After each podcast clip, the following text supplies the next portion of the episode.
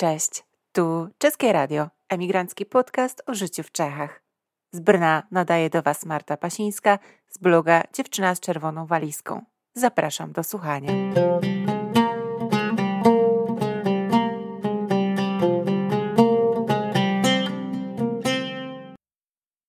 Cześć, witam Was dzisiaj w trzecim odcinku podcastu Czeskie Radio. Tytuł dzisiejszego odcinka to Praga kontra Brno, czyli odwieczny spór pomiędzy stolicą a prowincją. Od razu się przyznaję, że tytuł jest trochę clickbaitowy i trochę podchwytliwy.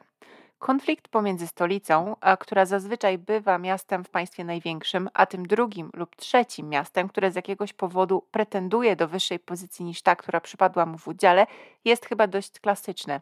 Nie, wy- nie wydaje się Wam? Nie wiem, jak to wygląda z pozycji Warszawy, ale ja, poznanianka, od dziecka pamiętam przytyki moich spółziomków z Poznania na temat Warszawki i stolicy, przy czym tu mówimy o Poznaniu, mieście bodajże piątym na drabince tych największych w Polsce. Podejrzewam, że mieszkańcy Krakowa czy Gdańska mieliby swoje trzy grosze do dorzucenia w tym temacie.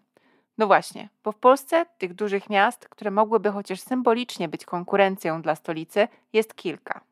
W Czechach sytuacja jest trochę inna. To prawdopodobnie wynika z tego, że Praga jest chyba jednym z bardziej znanych miast na całym świecie, a jej sława sięga gwiazd, jak przypowiadała słynna czeska wieszczka Libusie. Z taką reklamą, przyznacie, trudno jest konkurować. Praga co roku przyciąga ogromne rzesze turystów. W roku 2022 było to około 6 milionów osób, przy czym pamiętajmy, że te liczby nie dosięgają jeszcze przedcovidowych rekordów. O Pradze pisze się książki, także w Polsce. Wystarczy wspomnieć choćby wydane w ostatnich latach pozycje takie jak Praga, Czeskie Ścieżki Mariusza Surosza czy Osobisty Przewodnik po Pradze Mariusza Szczygła albo niedawno wydaną książkę Praga in flagranti Zbigniewa Macheja. Praga bije rekordy popularności i nie zliczę, ile razy widzę pytania na różnych czechowiskich forach albo grupach na Facebooku, które dotyczą polecanych miejsc e, do odwiedzenia, restauracji, knajpek, hospod. E, tego jest po prostu bardzo dużo. Jednocześnie Praga jako stolica jest czeską siedzibą wielu międzynarodowych korporacji. Jako ośrodek akademicki zapewnia stałą podaż absolwentów, wykształconych, dobrze wykształconych ludzi, które e, takie firmy chętnie zatrudniają do swoich środkowoeuropejskich biur. Pradze jest międzynarodowe lotnisko z połączeniami w przeróżne miejsca na świecie, w tym do Nowego Jorku. Praskie Stare Miasto przyciąga odwiedzających z całego świata, e, w tym także filmowców, a praskie ulice wielokrotnie służyły i służą jako scenografia do filmów. Nie dziw, że wszystkie pozostałe czeskie miasta mają do czego gonić. Praga im trochę odleciała, no bo Praga jest trochę z innego świata. Odwiedzający mówią, po co mam właściwie jeździć gdzieś indziej, skoro w Pradze jest wszystko. Jest kultura, jest historia, jest piękno, jest przyroda, są nawet i winnice. No i to wszystko jest prawda. Czechy to jednak nie tylko Praga. Praga jest wspaniała, nie zrozumcie mnie źle. Wszyscy ci, którzy Pragę wychwalają, mają stuprocentową rację. Niemniej, Praga to nie Czechy. Praga Czechom trochę odleciała. To takie miasto, które być może trochę padło ofiarą własnego sukcesu. Podobało mi się, jak w jednej ze wspomnianych wcześniej książek autor opisywał, w jaki sposób Czesi Pragę metaforycznie odzyskali. I mówiąc odzyskali, mam na myśli, że zdobyli symbolikę miasta, uczynili ją czeską, pozbawili pierwiastka inności. Praga wcześniej czeska, owszem, do pewnego stopnia była, ale była też i niemiecka, i żydowska. Po II wojnie światowej stała się także w pewnym stopniu radziecka. Niemniej to Czesi ją sobie podporządkowali. I tak, jak na początku lat 90. można pewnie było powiedzieć, że jest bardzo czeska, tak dziś jest też bardzo kosmopolityczna, turystyczna. Znajdziecie tam wątki czeskie, swojskie, ale znajdziecie też tę czeskość komercyjną, zmienioną w produkt turystyczny, który sprzedaje się milionom turystów. Czasami wynikają z tego zabawne historie, jak ta na przykład z czeskim trydelnikiem, które w centrum Pragi sprzedaje się jako tradycyjne czeskie ciastko. Ciastko to jednak nie jest w żadnym wypadku tradycyjnie czeskie, a o jego pochodzenie do dziś kłócą się Słowacy z Węgrami. A jeszcze przez e, kilkunastoma laty, a może i mniej, w Pradze mało kto o nim słyszał. Popularność Pragi oczywiście nie musi być zła, nie oszukujmy się, miasto czerpie z niej zyski, Pozostaje jednak pytanie, na ile turyści nie zaczynają przeszkadzać mieszkańcom stolicy w codziennym życiu. Praga jest także kosmopolityczna w tym sensie, że mieszka dziś w niej spora bańka cudzoziemców, którzy niekoniecznie lubują się w czeskości, natomiast uwielbiają swoje wygodne, bezpieczne życie w ponad tysiącletnim mieście, gdzie mnóstwo jest ciekawych, alternatywnych, trochę hipsterskich knajp, w których można popijać pyszną kawę i zajadać się daniami z całego niemal świata. Jak na tym tle wypada reszta Czech? Cóż, odpowiedź nie może być prosta ani jednorodna. Czechy są po prostu od Pragi inne, różne, różnorodne. W panoramie pięknej przyrody i krajobrazie tysiąca, wydawałoby się, małych miasteczek, wyróżnia się kilka dużych miast. I zanim do nich przejdę, do tej perspektywy mniejszych miast, chciałabym zrobić jeszcze jedną dygresję. W tym przysłowiowym niemal naszym tytułowym konflikcie Praga kontra Brno, mam wrażenie, podkreśla się przede wszystkim perspektywę Brna, czyli tego miasta aspirującego. Prażacy są w niej przedstawieni jako takie elementy zapyziałe, zadufane, które już dawno straciły kontakt z bazą i które oczywiście niesłusznie pogardzają wszystkim, co jest niepraskie i wszystko inne wyśmiewają. Osobiście nie jestem do końca przekonana, czy ta perspektywa oddaje prawdę, to znaczy ona jest rzecz jasna dość mocno podkoloryzowana i przesadzona, ale i tak wydaje mi się bardziej świadczy o jakichś brneńskich czy prowincjonalnych kompleksach niż o faktycznym stosunku Prażan do reszty świata. Praga po prostu ma to gdzieś, bo ma na głowie, podejrzewam, inne problemy niż zastanawiać się, dlaczego jest lepsza od prowincji. W swoim mniemaniu jest po prostu i tyle. Ciekawe jest także to, jak Praga prowincję postrzega bo wydaje mi się, chociaż teraz wkraczam na teren własnych obserwacji, także jeżeli się ze mną nie zgadzacie, to dajcie znać i koniecznie powiedzcie dlaczego, że jako prowincję postrzega tylko wybrane regiony w kraju. To znaczy, tak jakby niektóre z nich istnieją w praskiej świadomości jako prowincja, inne jako przykład dzikiego kraju, a jeszcze inne nie istnieją w ogóle. Jest w tym pewna hierarchia, to znaczy inaczej się patrzy na Karkonosze, inaczej na Góry Olickie, a jeszcze inaczej na Białe Karpaty. To wynika pewnie w jakimś sensie z charakteru tych regionów i historii, e, no i oczywiście powiązań ze stolicą. Jeśli będziemy chcieli szukać porównań, możemy stwierdzić, że Warszawa też z południa najbardziej lubi chyba Podhale, Tatry i Zakopane.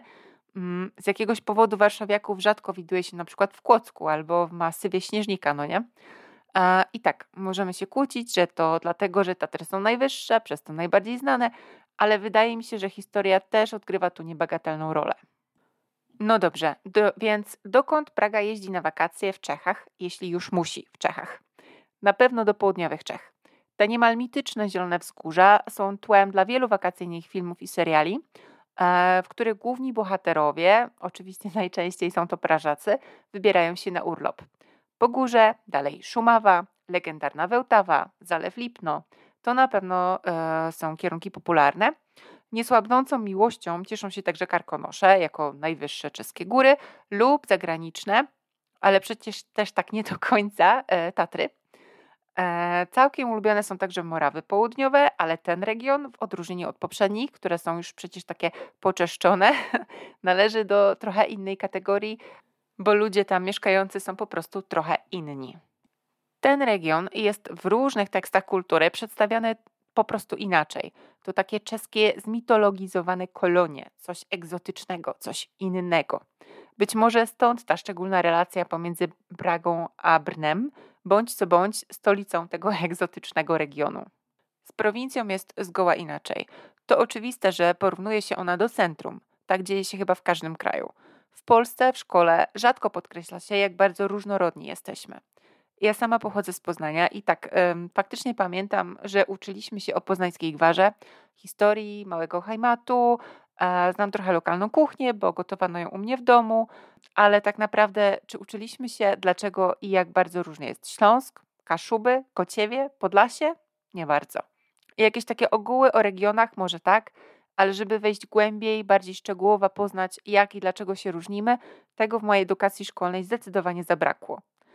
Być może to jest jakaś spuścizna po komunizmie i tym, jak bardzo scentralizowany był PRL, jak bardzo duży nacisk kładło się na kulturę polską, tę klasyczną, ogólną i deprecjonowaną regionalizmy. Pewnie dlatego moja prababcia mówiła w większości jeszcze gwarą poznańską. Moja babcia ją znała, choć już nie używała jej na co dzień, Moja mama była z nią osłuchana, natomiast ja znam tylko kilka słów. Pewnie też dlatego w Polsce w grupach folkowych nie widać zbyt wielu młodych ludzi. Pewnie dlatego zdecydowana większość ważnych instytucji państwowych znajduje się w stolicy, w Warszawie, a na drogę szybkiego ruchu pomiędzy Wrocławiem a Poznaniem, czyli dwoma dużymi metropoliami na zachodzie kraju, czekaliśmy po transformacji dobrych 20 lat. Bo nikt w Warszawie nie uważał, że połączenie Śląska z Wielkopolską jest potrzebne. Nikt na to nie wpadł. Teraz, e, kiedy żyję w Czechach, zauważam, że tutaj na te różnice pomiędzy regionami zwraca się o wiele większą uwagę. Mimo, że Praga jest Pragą, a Czechy nie są aż tak centralistyczne jak Polska. Nie mówię, że są idealne, oczywiście, na pewno mają przed sobą sporo wyzwań, jak chodzi na przykład o radzenie sobie z integrowaniem mniejszości e, z czeską większością społeczeństwa. Ale mimo, że Praga jest centrum czeskiego świata, pozostałe metropolie też się liczą. Można do nich na przykład wygodnie i w miarę tanio dojechać transportem publicznym. Co więcej, nie wszystkie instytucje publiczne mm, znajdują się w Pradze. Trzy najważniejsze krajowe organy sądownicze zlokalizowane są poza stolicą. Ustawni Sąd, czyli czeski odpowiednik Trybunału Konstytucyjnego, Najwyższy Sąd, czyli Sąd Najwyższy oraz Najwyższy Sprawni Sąd Czeskiej Republiki, czyli Najwyższy Sąd Administracyjny e, Republiki Czeskiej, znajdują się na przykład w Brnie. W czasach Zooma i Skype'a być może nie ma to już aż tak wielkiego znaczenia, ale w czasach bardziej analogowych na pewno miało to wpływ na niezależność tych instytucji. Czechach fascynuje mnie to, jak bardzo honoruje się regionalizmy. Polacy pomyślą, to taki nieduży kraj, jak bardzo różnorodny może być, skoro Polska jest taka duża i wszędzie taka sama. No więc dla tych, którzy tak właśnie myślą, mam małą niespodziankę. Ani Polska, jest tak, e, ani Polska nie jest taka jednorodna, jak się przedstawia, jak się uczymy w szkole, ani Czechy za małe na to, żeby mieć różnice regionalne. Dla mnie osobiście fascynujące jest to, jak duże te różnice są i jak bardzo je ich słychać i widać. Już choćby kwestie języka. Tak, w całych Czechach mówi się po czesku, ale jeśli mówicie czeszczyzną standardową, zdecydowanie możecie mieć mały problem z dogadaniem się gdzieś na głębokich Morawach Południowych. Czeski dzieli się na kilka narzeci, czyli dialektów, Oprócz tego dzieli się także na cieścinę choworową, czyli mówioną, oraz spisowną, czyli literacką, uczoną w szkołach. W telegraficznym skrócie, bo to temat szeroki, ciekawy i być może zasługujący na osobny odcinek, podział na czeski mówiony i pisany wziął się z wydarzeń politycznych z wieku XVII bitwie pod Białą Górą w 1620 roku, e, którą wygrały stronnictwa katolickie i habsburskie, pozycja czeskiego jako języka obecnego w życiu publicznym bardzo ucierpiała. Czeski stał się językiem wsi. Z oficjalnych miejsc właściwie zupełnie wyparł go niemiecki. Kiedy w XIX wieku w Czechach, które były wówczas e, częścią Imperium Habsburskiego, pojawili się narodowi odrodzeńcy, patrioci, którzy chcieli odnowić język czeski i przywrócić mu należne miejsce w czeskim społeczeństwie. Wychowywało się już pokolenie ludzi, które go, to znaczy język czeski, do życia zawodowego w miastach w ogóle nie potrzebowało. Można to sobie porównać trochę ze sytuacją wielu języków e, ludności rdzennej, na przykład w Ameryce Południowej, gdzie ludziom do pracy wystarczy tylko język hiszpański, a język rdzenny, ten domowy, powoli zanika. Podobnie było z czeskim. Jego szanse na przetrwanie z każdym upływającym rokiem były coraz niższe. Tymczasem pojawiło się grono czeskich zapaleńców, dzisiaj powiedzielibyśmy o nich aktywiści, którzy postawili przed sobą wyzwanie ożywić język czeski. To oczywiście nie było łatwe zadanie, no bo czeski nie służył do opisywania życia publicznego przez okres około 200 lat. I oczywiście to nie pozostało bez wpływu na niego. Brakowało słów do opisywania świata. Czescy aktywiści, patrioci, zaczęli więc czerpać z innych języków słowiańskich, szukali inspiracji i przeciwwagi dla świata niemieckojęzycznego, który ich zewsząd otaczał. Stąd w języku czeskim do dzisiaj na przykład słowo plin, czyli gaz, a które powstało dzięki inspiracji właśnie polszczyzną, jako coś, e, gaz, jako coś, co płynie w rurach. No dobrze, ale odbiegam od tematu. Puenta tej opowieści jest taka, że czeski mówiony, czyli choborowa cieścina, przez 200 lat rozwijał się swobodnie, bez nauczycieli, bez spisywania gramatyki, bez szkół, które uczyłyby jego standardowej wersji. To znaczy, że zdążyło zajść nim wiele zmian, które pojawiły się spontanicznie i których nikt za bardzo nie standaryzował. Tymczasem język pisany, ten z kolei pozostał 200 lat z tyłu. Te różnice starano się w tym XIX wieku jak najszybciej i jak najlepiej zasypać, ale one widoczne są tak naprawdę w języku czeskim do dzisiaj. Musimy wspomnieć o regionalizmach. Dialekty są obecne niemal we wszystkich regionach. Na południowych Morawach w każdej niemal wiosce znajdziecie różnice. Niektóre z nich są zresztą na tyle istotne, że ludzie nauczyli się korzystać ze standardowego języka, aby się między sobą porozumieć. Stąd można czasem odnieść poniekąd błędne wrażenie, że na południowych Morawach używa się więcej języka literackiego niż tego regionalnego. Cóż, i tak, i nie. W sytuacjach lokalnych przewagę mają dialekty. W sytuacjach, gdzie spotykają się ludzie z różnych regionów, mówi się bardziej literacko. Sytuacja wygląda inaczej, na przykład w południowych Czechach, gdzie mówi się wszędzie raczej czeszczyzną mówioną. Języka literackiego raczej się nie uświadczy. Tak, ta sytuacja jest dość skomplikowana. Ale nie tylko język się zmienia, kiedy jedzie się przez Czechy. Inna jest także architektura, inna bywa kuchnia, inne rzeczy się pija. Piwo, ten najbardziej znany i super popularny czeski produkt, obecnie jest chyba wszędzie. Są tacy, co pijają czeskie koncerny i bywają zadowoleni. Są tacy, co szukają trochę bardziej wyrafinowanych produktów i chadzają do lokalnych hospod czy browarów, gdzie leją z kija to lokalne piwo. Czechy piwem po prostu stoją. Znajdziecie tu nie tylko klasycznego lagera, czyli leziaka, najczęściej występującego w formie jedenastki czy dwunastki, ale od pewnego czasu także piwa rzemieślnicze, na, na przykład IP. Według specjalistów to właśnie w Czechach posmakujecie tej najbardziej tradycyjnej IPy, przygotowywanej według klasycznej receptury. Poza dużymi miastami, zresztą wymyślnych piw rzemieślniczych raczej nie uświadczycie, chyba że wybierzecie się na jakiś piwny festiwal. Czechy to jednak nie samo piwo, bo na Morawach robi się i pije przecież wino. Produkcja jest lokalna, a mówiąc to, mam na myśli, że tego wina prawie się nie eksportuje, bo nie jest go jakoś wybitnie dużo. Mimo to bywa ono nagradzane. Z winem związana jest zresztą specyficzna lokalna kultura morawska. To wokół niego kręcą się liczne lokalne święta i folklor, tańce i śpiewy.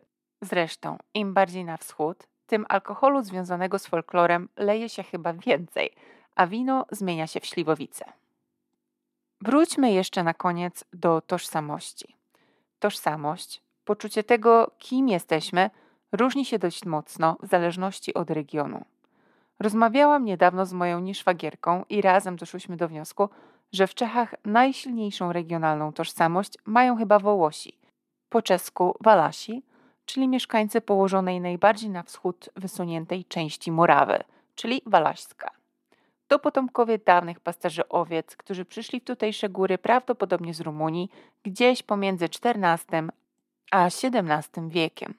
Ich ówczesny język przepadł z biegiem czasu, lud się zesłowiańszczył, ale ich kultura, zwyczaje, folklor, muzyka przetrwały częściowo do dzisiaj. Czuć to w tłumie z pochodzenia, czuć to w ludziach, którzy tam mieszkają, czuć to w kuchni, czuć to w muzyce. Człowiek jedzie w Beskidy i od razu wie, że tutaj ci sami ludzie mieszkają od wielu, wielu pokoleń. Trochę podobnie, chociaż oczywiście inaczej, bo charakter tego regionu jest inny, e, bywa z południowymi Morawami. Tutaj też ludzie bywają uparci, konserwatywni, pewni swojej kultury i zdecydowanie cięci na Pragę. Do dziś wspominam pewne południowo-morawskie wesele, w którym miałam przyjemność uczestniczyć, gdzie większą sensację e, w roli gościa okazał się Prażak niż cudzoziemcy. Tych potraktowano przyjemnie i łagodnie, ale Prażakowi nie odpuszczono. Biedny chłopak musiał twardą głową udowadniać honor stolicy i niestety ta walka nie okazała się ani równa, ani pomyślna dla niego. W pewnym momencie poszedł do toalety i zniknął.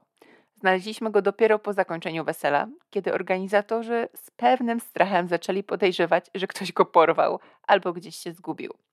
Biedak z powodu nadmiernego spożycia alkoholu po prostu zasnął w drodze z łazienki, tym samym udowadniając wszystkim obecnym Morawianom, że stolica ma się czego od nich uczyć. Prażacy jednak nie pozostają dłużni internecie aż się roi od memów, które wyśmiewają Brno i przedstawiają życie w nim w co najmniej niepochlebnym świetle. Zresztą, pomijając fakt, że jest to miasto bardzo wygodne do życia, sami jego mieszkańcy twierdzą, że to wielka wioska. I nie chodzi tylko o to, że nie można wyjść na miasto i nie spotkać kogoś znajomego. W Brnie zdarzają się czasami historie dziwne. Jak na przykład wtedy, kiedy wraz z moim prywatnym Czechem udaliśmy się do miasta i w dzielnicy, która znajduje się jakieś 15 minut pieszo od ścisłego centrum, znaleźliśmy kurę. Wałęsała się ona po chodniku, najwyraźniej uciekła komuś z ogródka.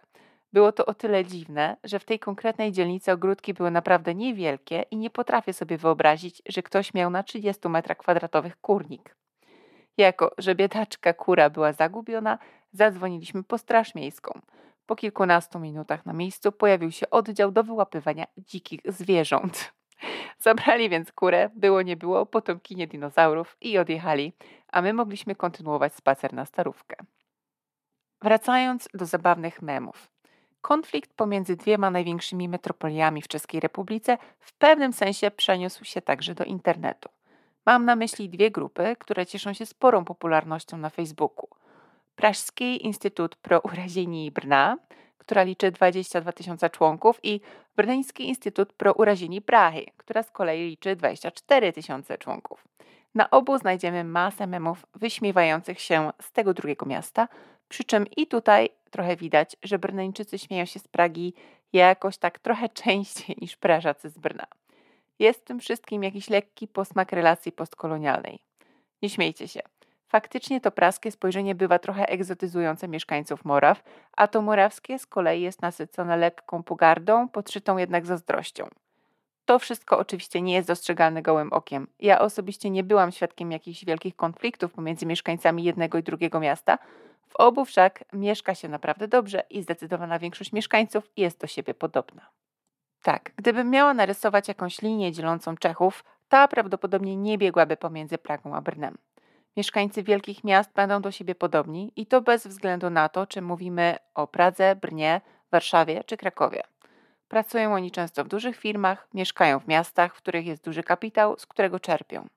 Inaczej bywa na tej głębszej prowincji, gdzie środki nie zawsze docierają, gdzie oferta kulturalna i edukacyjna jest mniejsza, a życie powolniejsze. Wydaje mi się, że wielu ludzi właśnie dla tego pomalejszego tempa życia na prowincję wyjeżdża i tam właśnie często odnajduje odpoczynek. A wy co lubicie bardziej? Szybkie życie w wielkim mieście, czy powolne rozkoszowanie się nim w mniejszym miasteczku? To by było na tyle, jak chodzi o trzeci odcinek Czeskiego Radia. Mam nadzieję, że dowiedzieliście się z niego czegoś nowego. E, no i do zobaczenia za tydzień, gdzie pogadamy sobie o tym, jak się w Czechach żyje.